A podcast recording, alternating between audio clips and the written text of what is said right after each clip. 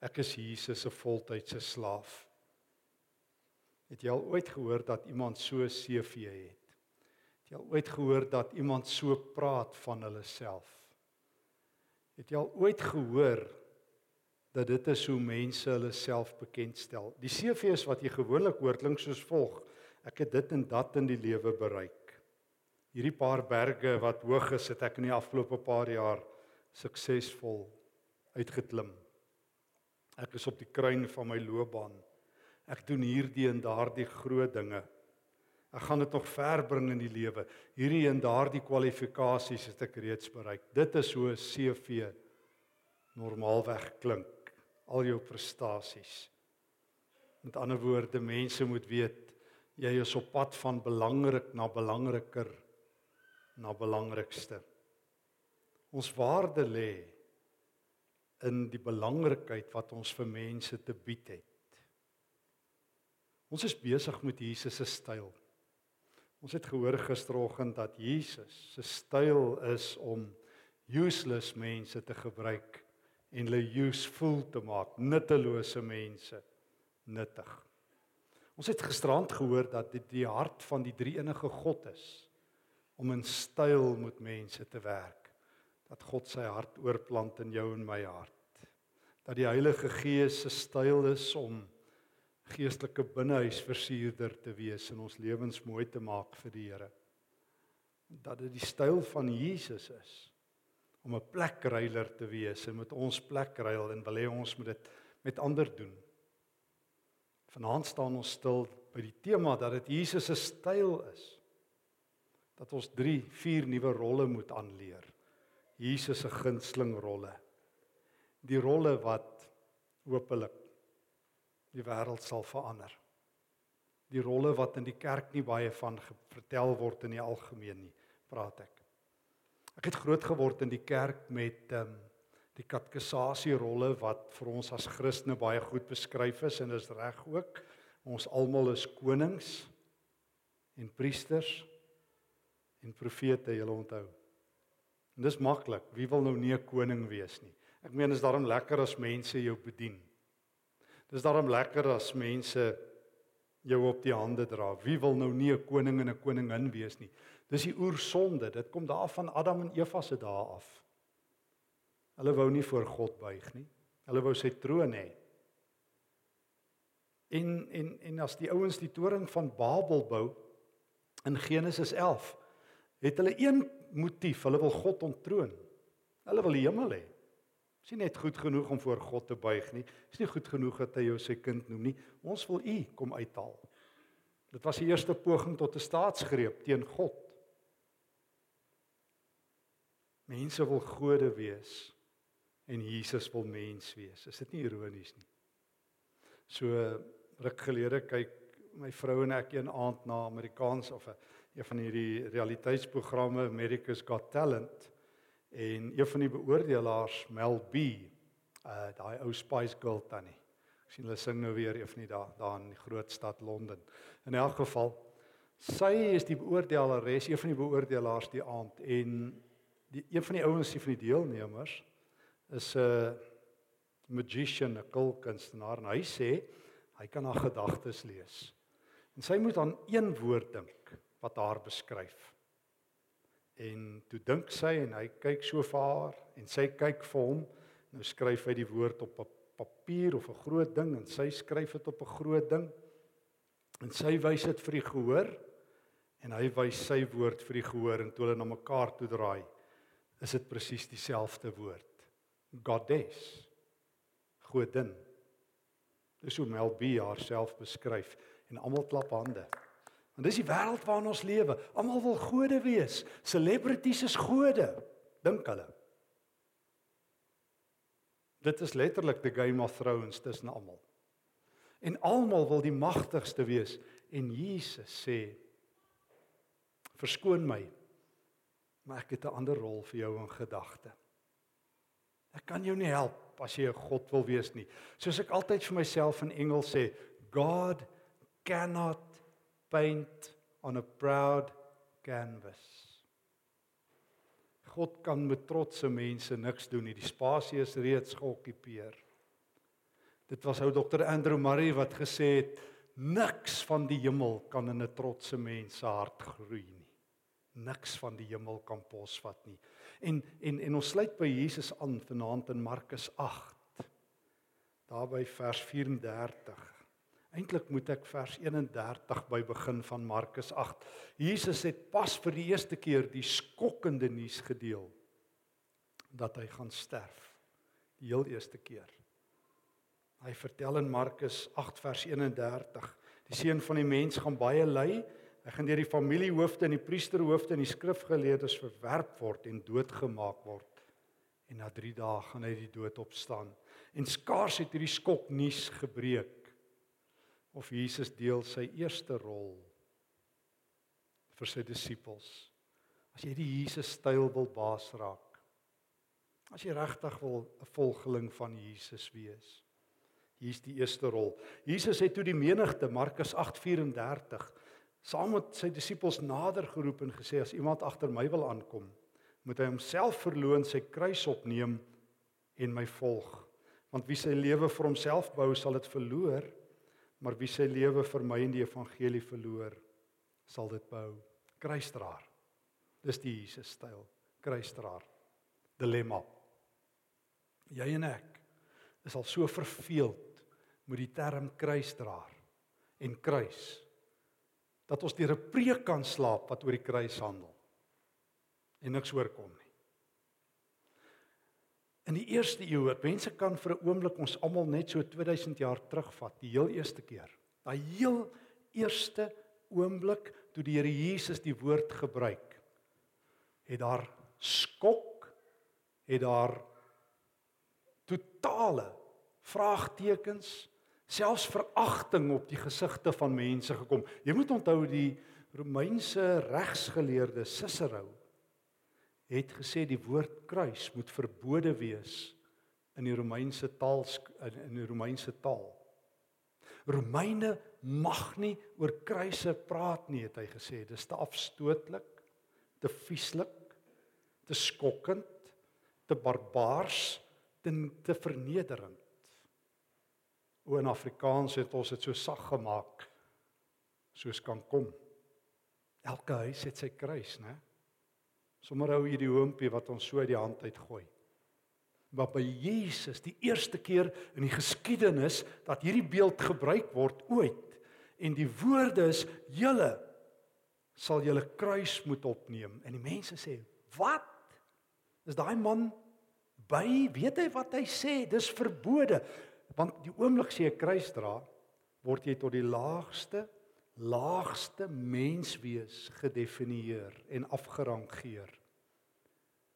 En dan weet almal as jy 'n kruis dra, jy het 'n doodsvonnis. Net gekruisigdes dra hulle kruis. Seneca, die um, hoffilosoof van keiser Nero, het uh, gesê die drie wreedste dode wat jy kan sterf in die Bybelse tyd is wanneer hulle jou lewendig in stukke kap, wanneer hulle jou aan die brand steek en wanneer hulle jou kruisig.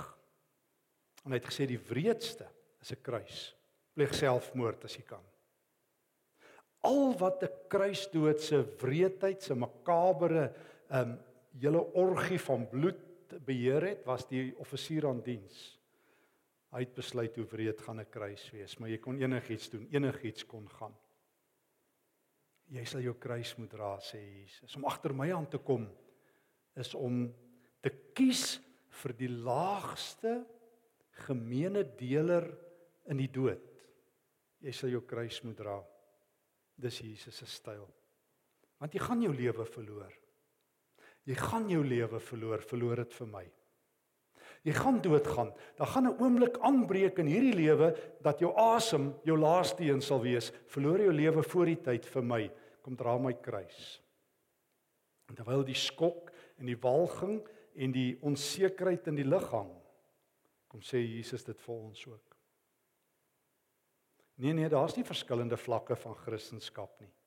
Daar bestaan nie iets soos die eetkristendom, Christianity light as jy wil nie. Ek sien kans vir um, so een aand in die Pinkster en so een keer 'n maand kerkdiens en so een keer 'n kwartaal 'n selgroepie en ek Sal so 3 minute bid, maar ek kan nie daai mense uitstaan en daai mense en so aan nie. So nee nee, nee nee.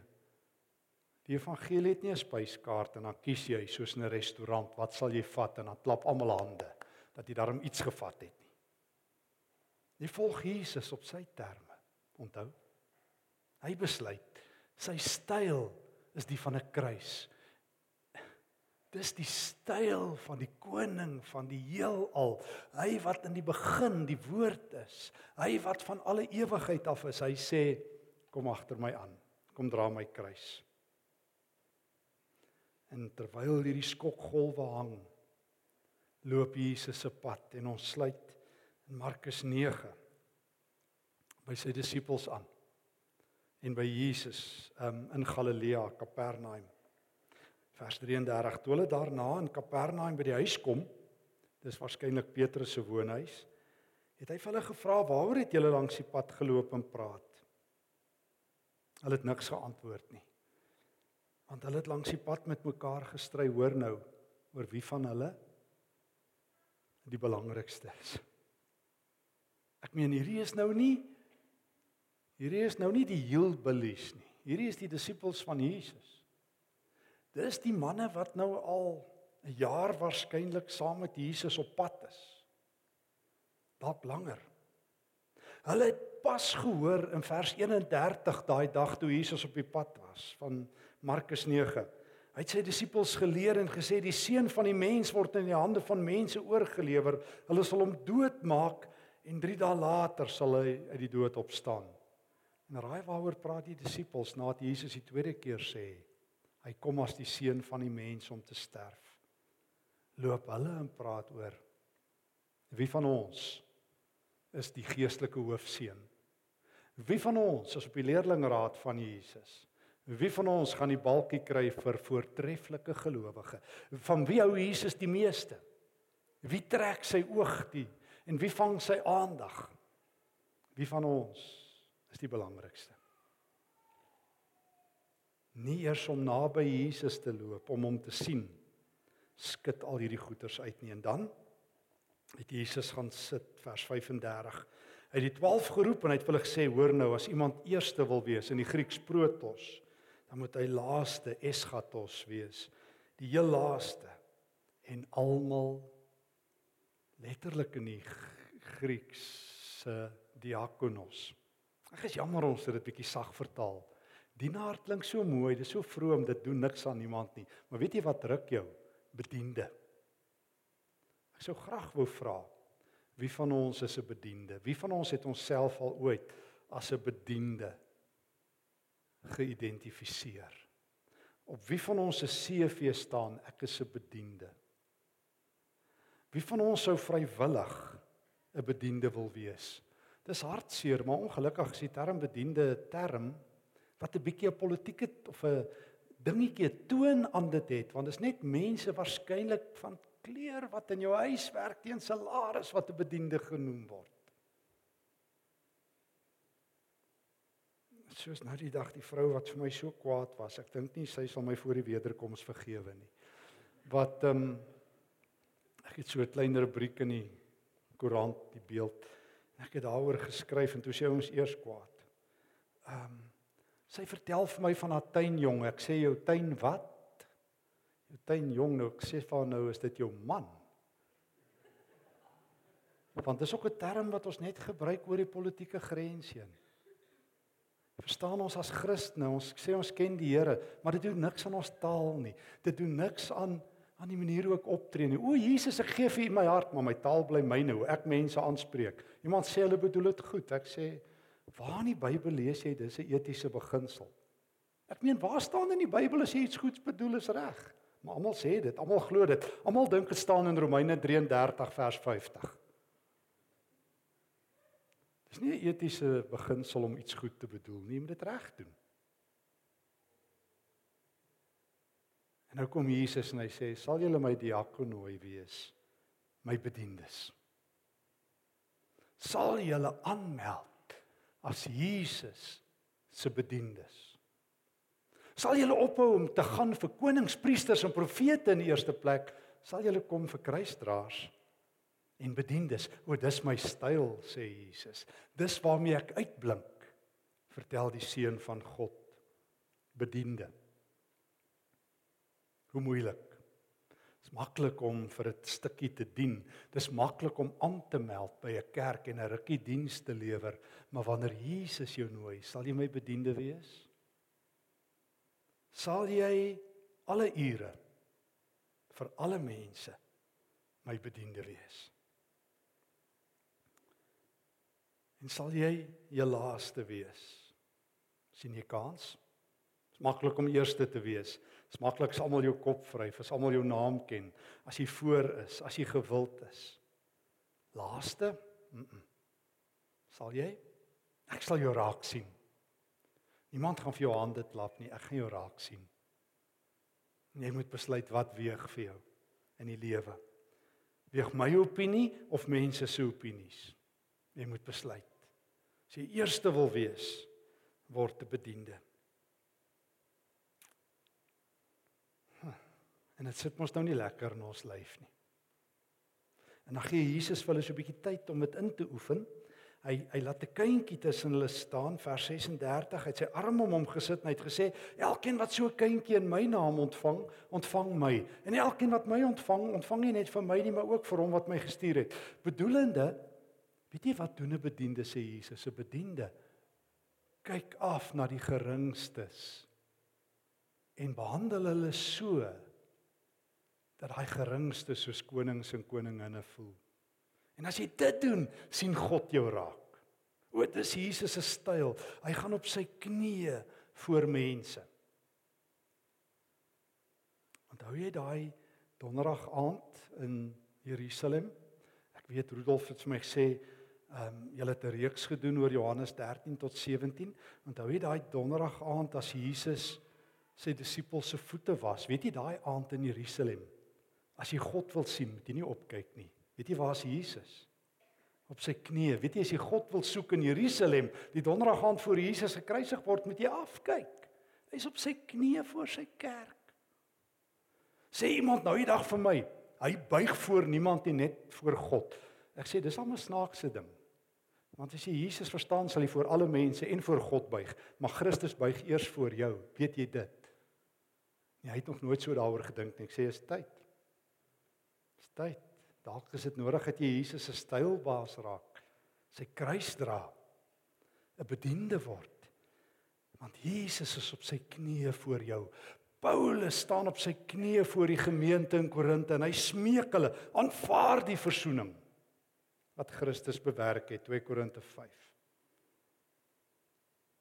Maar dink jy nou die disippels het ore? Dink jy hulle kry die boodskap? Dink jy hulle is leerbaar? Dink jy hulle verstaan van van disippelskap en van diens en van kruisdra? Markus 10 vers 13. Die mense het kindertjies na Jesus toe gebring dat hy hulle moet aanraak en toe raas sy disippels met hulle. Toe Jesus dit sien, was hy kwaad. Staan daar letterlik, hy was eintlik baie kwaad in die Griekse woord wat daar gebruik word. Laat die kindertjies na my toe kom, moet hulle nie keer nie. Die koninkryk van God is vir mense soos hulle. Dit verseker ek julle. O, as Jesus dit sê, dit verseker ek julle. In die Grieks amen lego imin. As hy dit sê, dan is dit soos die Engelse sê 'n teaching moment. Breaking news. Nuusflits. Gee aandag. Hier leer God jou die les van jou lewe. Wie die koninkryk van God nie soos 'n kindjie ontvang nie, sal daar nooit ingaan nie. Of in Matteus 18 se woorde, as jy nie verander en 'n kind word nie, sal jy waaragtig sê Jesus nie in die hemel ingaan nie in die koninkryk van God. Die hemel of die koninkryk van God is net vir kinders bedoel. Groot mense kan nie gered word nie. Dis nie ek wat dit sê nie, dis Jesus. Die enigste hoop vir volwassenes is om leegwassenes te word en dan in die hemel in te gaan. Want ons is volwasse. En dit help nie. Want ons hoor nie word 'n kind, dis die derde rol. So word 'n kruisdraer word 'n bediende word 'n kind Jesus se derde gunstelingrol. Ek onthou toe ons studente was en ek en Maritjie nog uitgegaan het, het sy opvoedkunde gestudeer en een van die definisies vir 'n kind daai tyd in die groot opvoedkunde boeke was dis iemand onderweg na volwassenheid. Bid jy dit aan? Jy's nog nie 'n volle mens nie. Dis amper soos wat die NG Kerk gemaak het. Jy was mos 'n dooplidmaat. Ek weet, verstaan nog nooit daai ding nie. Dan word jy 'n wat 'n belydende lidmaat. Jy's so halwe Christen en dan word jy 'n vol ek weet nie. Ek verstaan daai ding nooit. Ouens beklei oor allerlei goeters dan mis hulle die Nuwe Testament op die die eintlike dinge. Maar Jesus sê, "Kan ek groot mense asseblief weer kinders maak? Kinders kry." En Jesus kies nie kinders op die eerste plek, maar net omdat hulle oulik is nie, dit ook. Maar kinders het 'n afhanklikheid. Kinders het 'n klein kindertjies, veral die beelde die evangelies gebruik verskillende Griekse terme vir kinders wat ook die verskillende ouderdomsgroepe aandui eintlik. Uh, in Lukas gebruik hy self sygelinge. Maar as jy 'n kindjie word soos hierso 'n klein kindjie, dan is jy weerloos. Dis wat Jesus verstaan. Jy's hulpeloos. Ah. Ag, het hierdie terme nie verlore gegaan in die kerk nie. Ekskuus, jy moet my nie skerp hoor nie. Ek bedoel dit nie skerp nie. Maar dit is my verstommend. Almal wil magtige ouens wees, mighty men. Vrouens wil amazones wees.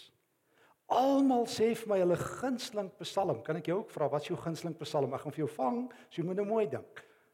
So wat is jou gunsteling Psalm? Net Psalm 23. Ons almal jok by vers 1b. Die Here is my herder. Almal sê dit.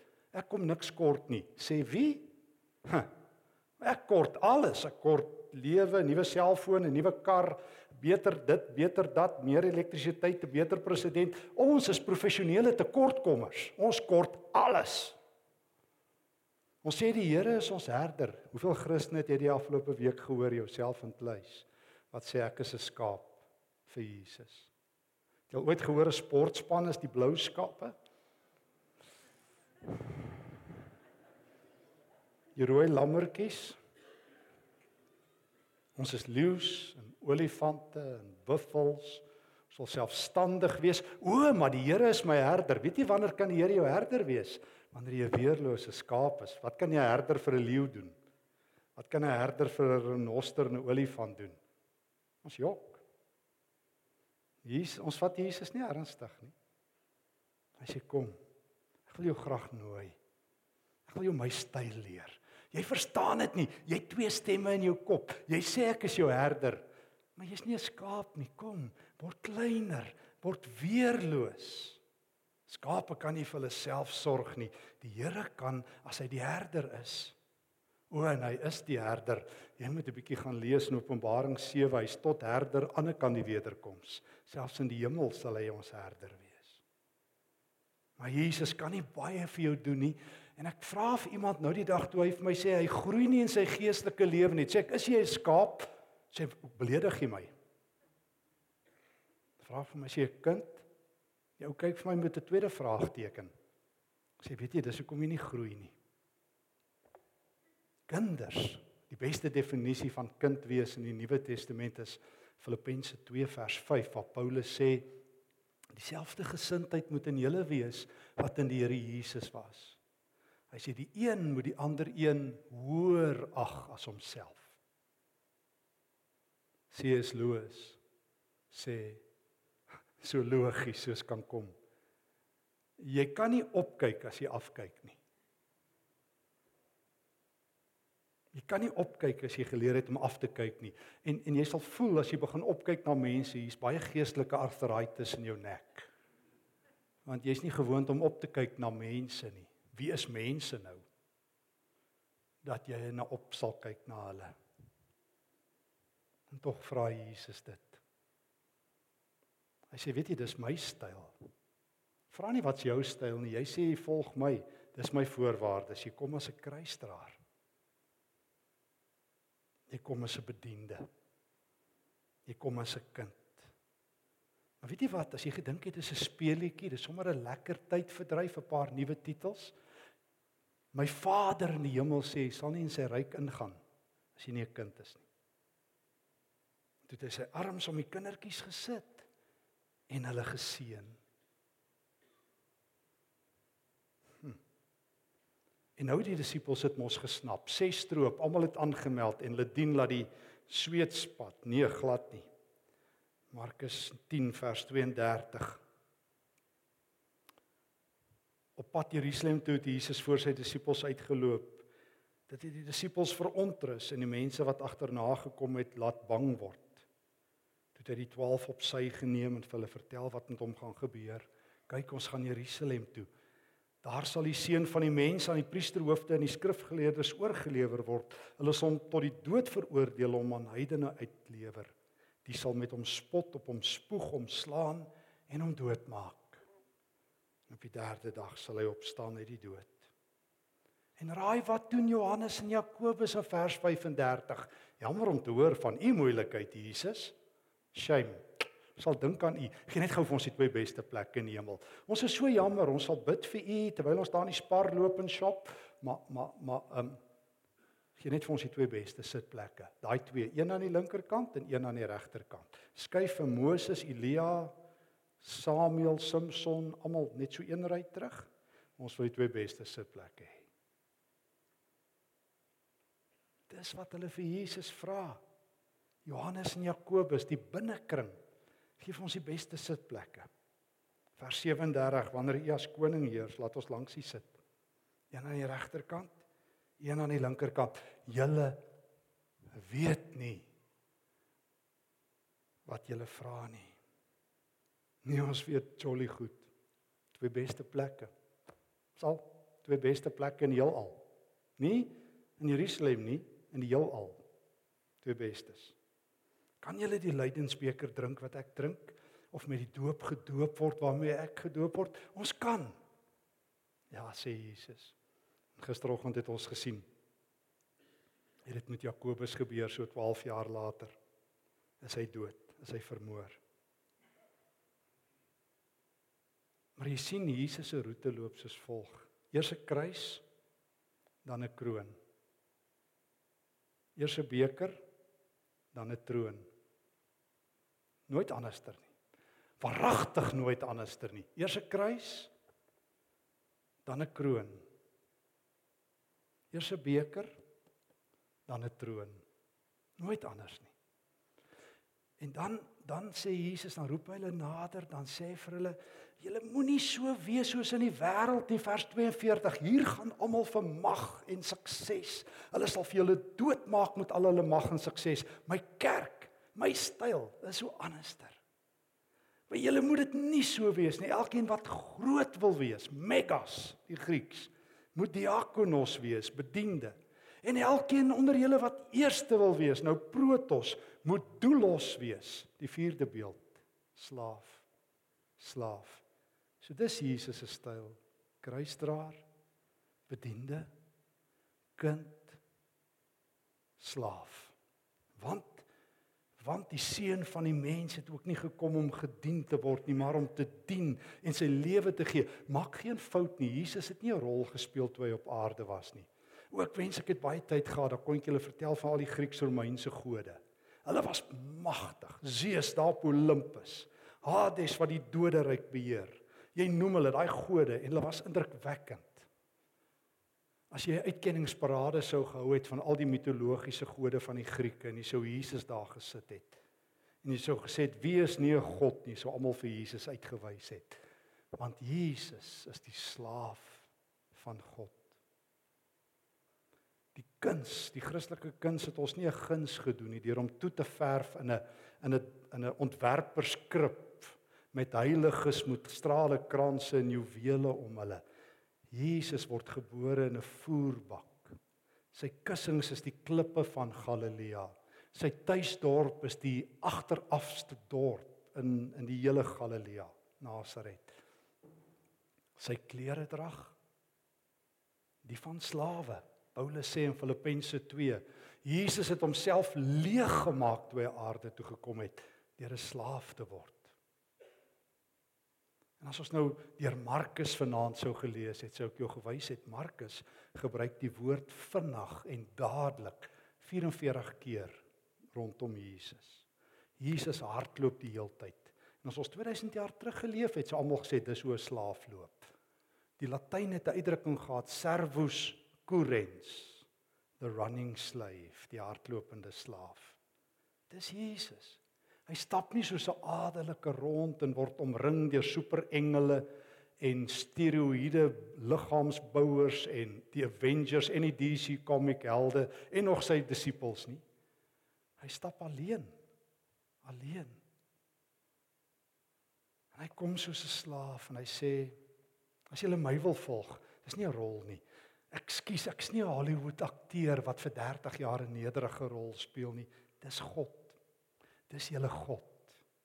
Dis julle God wat op sy knieë is in Jerusalem voor julle, wat aan 'n hout hang in Jerusalem. Wie se hart breek en wat hande klap oor een ou wat gered word. Dis die ware God, die God van liefde, die God wat skree na die wêreld met liefde. En en die God van die heelal vra: Sal julle my bedienis wees? Sal julle julle koningsklere uittrek? Sal julle my dien? Vriend van my ehm woon 'n diens uh, uh, so reeks by in Amerika by een van die groot kerke van Rick Warren. En hy's in die badkamer gou tussen die ehm um, uh gesp gesprekke, die seminare. En hy sien 'n ou is daar besig om die spieël skoon te maak. En soos dit maar gaan, het 'n ou mos maar 'n idee, 'n stereotipe wat se ouens maak skoon. En hy praat so halwe snaakse Engels met die ou en hy kom agter die ou antwoord hom in 'n redelike suiwer Amerikaanse Engels. En hy kom na rukkie agter maar hierdie ou kan nogal meer as 3 woorde agter mekaar mooi praat en hulle begin gesels. En hy vind uit hierdie man glo dit as jy wil is een van die CEOs van die een van die Fortune 500 companies in Amerika, van die 500 grootste maatskappye. En en hy is daar by Rick Warren hulle in die kerk en hy het gesê hy het aangemeld vir diens toe sê hulle vir hom al al werk wat daar vir hom is, is toiletdiens daai week as die kongres aan die gang is. Toe vat die CEO verlof met sy werk en hy kom maak toilette skoon vir die week. O, wat kan Jesus nie doen wanneer CEOs bediendes word nie. Franciscus van Assisi, die beroemde Franciscus van die 12de wat wat toe hy hulle sê as Franciscus gepreek het by 'n kerk, het hy altyd 'n mop saam met hom gedra. Want hy het altyd gevra wie's op toiletdiens, want dit was die straf vir 'n priester wat die die die orde se reëls oortree het. Dan het hy gesê hy preek nie voordat hy nie die toiletdiens by daai ou oorgeneem jy 'n slaaf is, as jy 'n brug oor wie mense kan loop hemel toe en terug soos Jesus. Die slaaf van God oor wie se liggaam en se bloed mense loop na God toe en terug. Wat sal gebeur? As ons nie net meer konings en koninginne is nie. O, dit wag vir ons. O, Openbaring 5, ons is konings en in 'n priesterlike konings. En 1 Petrus 2 sê ons is dit reeds. Maar Jesus sê my styl vir jou slaaf doulos diakonos bediende kruisdraer kind. sien jy kans? Ja en en onthou Jesus nooi jou. Jesus vra jou sal jy dit vir my doen? Sal jy my volg? Sal jy soos ek word sal jy jouself verloon. So 'n stukkie geskrywe of 'n stukkie raakgeloop op Facebook ruk terug wat ek met jou wil deel. Van 'n ou wat dit geskryf het ek ek ken hom nie eers nie. Ek het sommer so sommer so uit die ehm um, uit die blou tyd op hierdie op hierdie storie afgekom. Ehm um, hierdie ou is daar in Appington. En hy hy het dit op Facebook gesit en ek het dit daar gaan afhaal en ek het vir hom erkenning gegee. En sy naam is Pieter Webner. Hy sê ek was die week in Appington en ek sien toe twee ou mense stap rus rus vanaf die taxi rank rigting Pabalello. Ek het hulle 3 keer gesien. En seker 3 uur nadat ek hulle die eerste keer gesien het, loop ek hulle weer raak by die sportgronde daar naby Spar waar hulle twee onder 'n skaduwee boom onder die hitte rus. Ek hou stil by hulle en Andries vertel my hy is 70 jaar oud. Hy kom van die kliniek af want hulle soek sy papers om sy pensioen te betaal. Ek vra waarheen hulle stap. Hy sê Obi, ons gaan Pabalelo toe. Hoe ver? Hy sê Obi so 1 km. Kan ek julle nie wegbring nie. Nee Obi, jy sal ver moet omry. Dit is tyd mors ons stap. Het julle al iets geëet? Nog nie Obi. Maar my Sarah en hy wys so na sy vrou. Sy het vanoggend guara goedjies uitgehaal en ons gaan dit net nou kook. Ek krap in my beursie en ek kry 'n paar 10 rand note en 20 rand note en agter die sitplek 'n 2 liter Coke. Ek gee dit vir die twee. Andries kyk vir sy vrou. Hy sê Sarah, die Here het ons alweer vandag nie vergeet nie. As ek 1000 rand in my beursie gehad het, sou ek dit vir hulle gegee het. Ek vra of ek 'n foto van hulle kan neem. Andri staan op. Hy sê, "Hoe kan ons dan nou nie vir 'n engel van die Here 'n fotootjie gee nie? Die Here wil seker sien hoe lyk ons."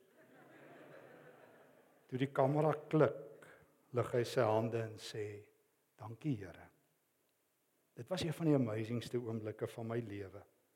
Ek het soveel om voor dankbaar te wees. O, o. Wanneer jy 'n bediende word en 'n knegg word en 'n kind word en 'n kruisdraer word, sien jy wonderwerke.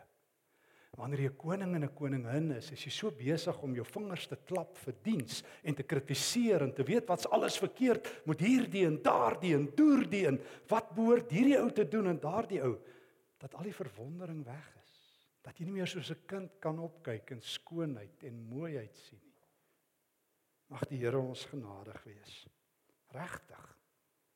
Mag die Here Jesus ons help dat ons regtig uh, sy kruis dra dat ons regtig sy bedienis word. Met die servette oor ons arm, nie om ons nek nie. Dat ons regtig kinders word en slawe. Ek sluit af. Ek het vir myself so begin jaar, laas jaar het ek vir myself sommer so so dingetjie geskrywe om my te herinner, so manifest. Ek gaan met jou deel oor hoe die Jesus lewe lyk en hoe ek dit elke dag self moet lewe. In die samelewing wetywer mense om die beste plekke en die beste posisies. Op Jesus se pad staan mense graag die beste plekke aan ander mense af. In die samelewing jaag mense dikwels geluk en voorspoed na ten koste van almal om hulle. Op Jesus se pad offer sy volgelinge hulle eie geluk en voorspoed op tot voordeel van ander mense rondom hulle. In die samelewing maak mense 'n naam vir hulle self. Op Jesus se pad doen mense moeite om ander mense se naam te beskerm en te eer. In die samelewing is dit die sterkstes en die bestes wat bo kom. Op Jesus se pad is dit die nederiges wat God se aandag trek. Hom is laaste eerste en kleintjies groot. In die samelewing is sukses sinoniem met geld en besittings. Op Jesus se pad is sukses sinoniem met die dra van 'n kruis en ander mense se laste. In die samelewing tel titels en kwalifikasies, op Jesus se pad tel karakter. In die samelewing word mense gemeet aan hulle uitsette en prestasies. Op Jesus se pad is mense geliefdes van God wat nie meer hoef te presteer om God se oog te vang nie. Hulle is klaar geliefd. In die samelewing is geluk dikwels uiterlik en kort. Op Jesus se pad is geluk diep geanker in 'n blywende vrede en rus met God. Kan ek vir jou iets vra? Dink jy nie jy kort 'n nuwe CV nie? Amen.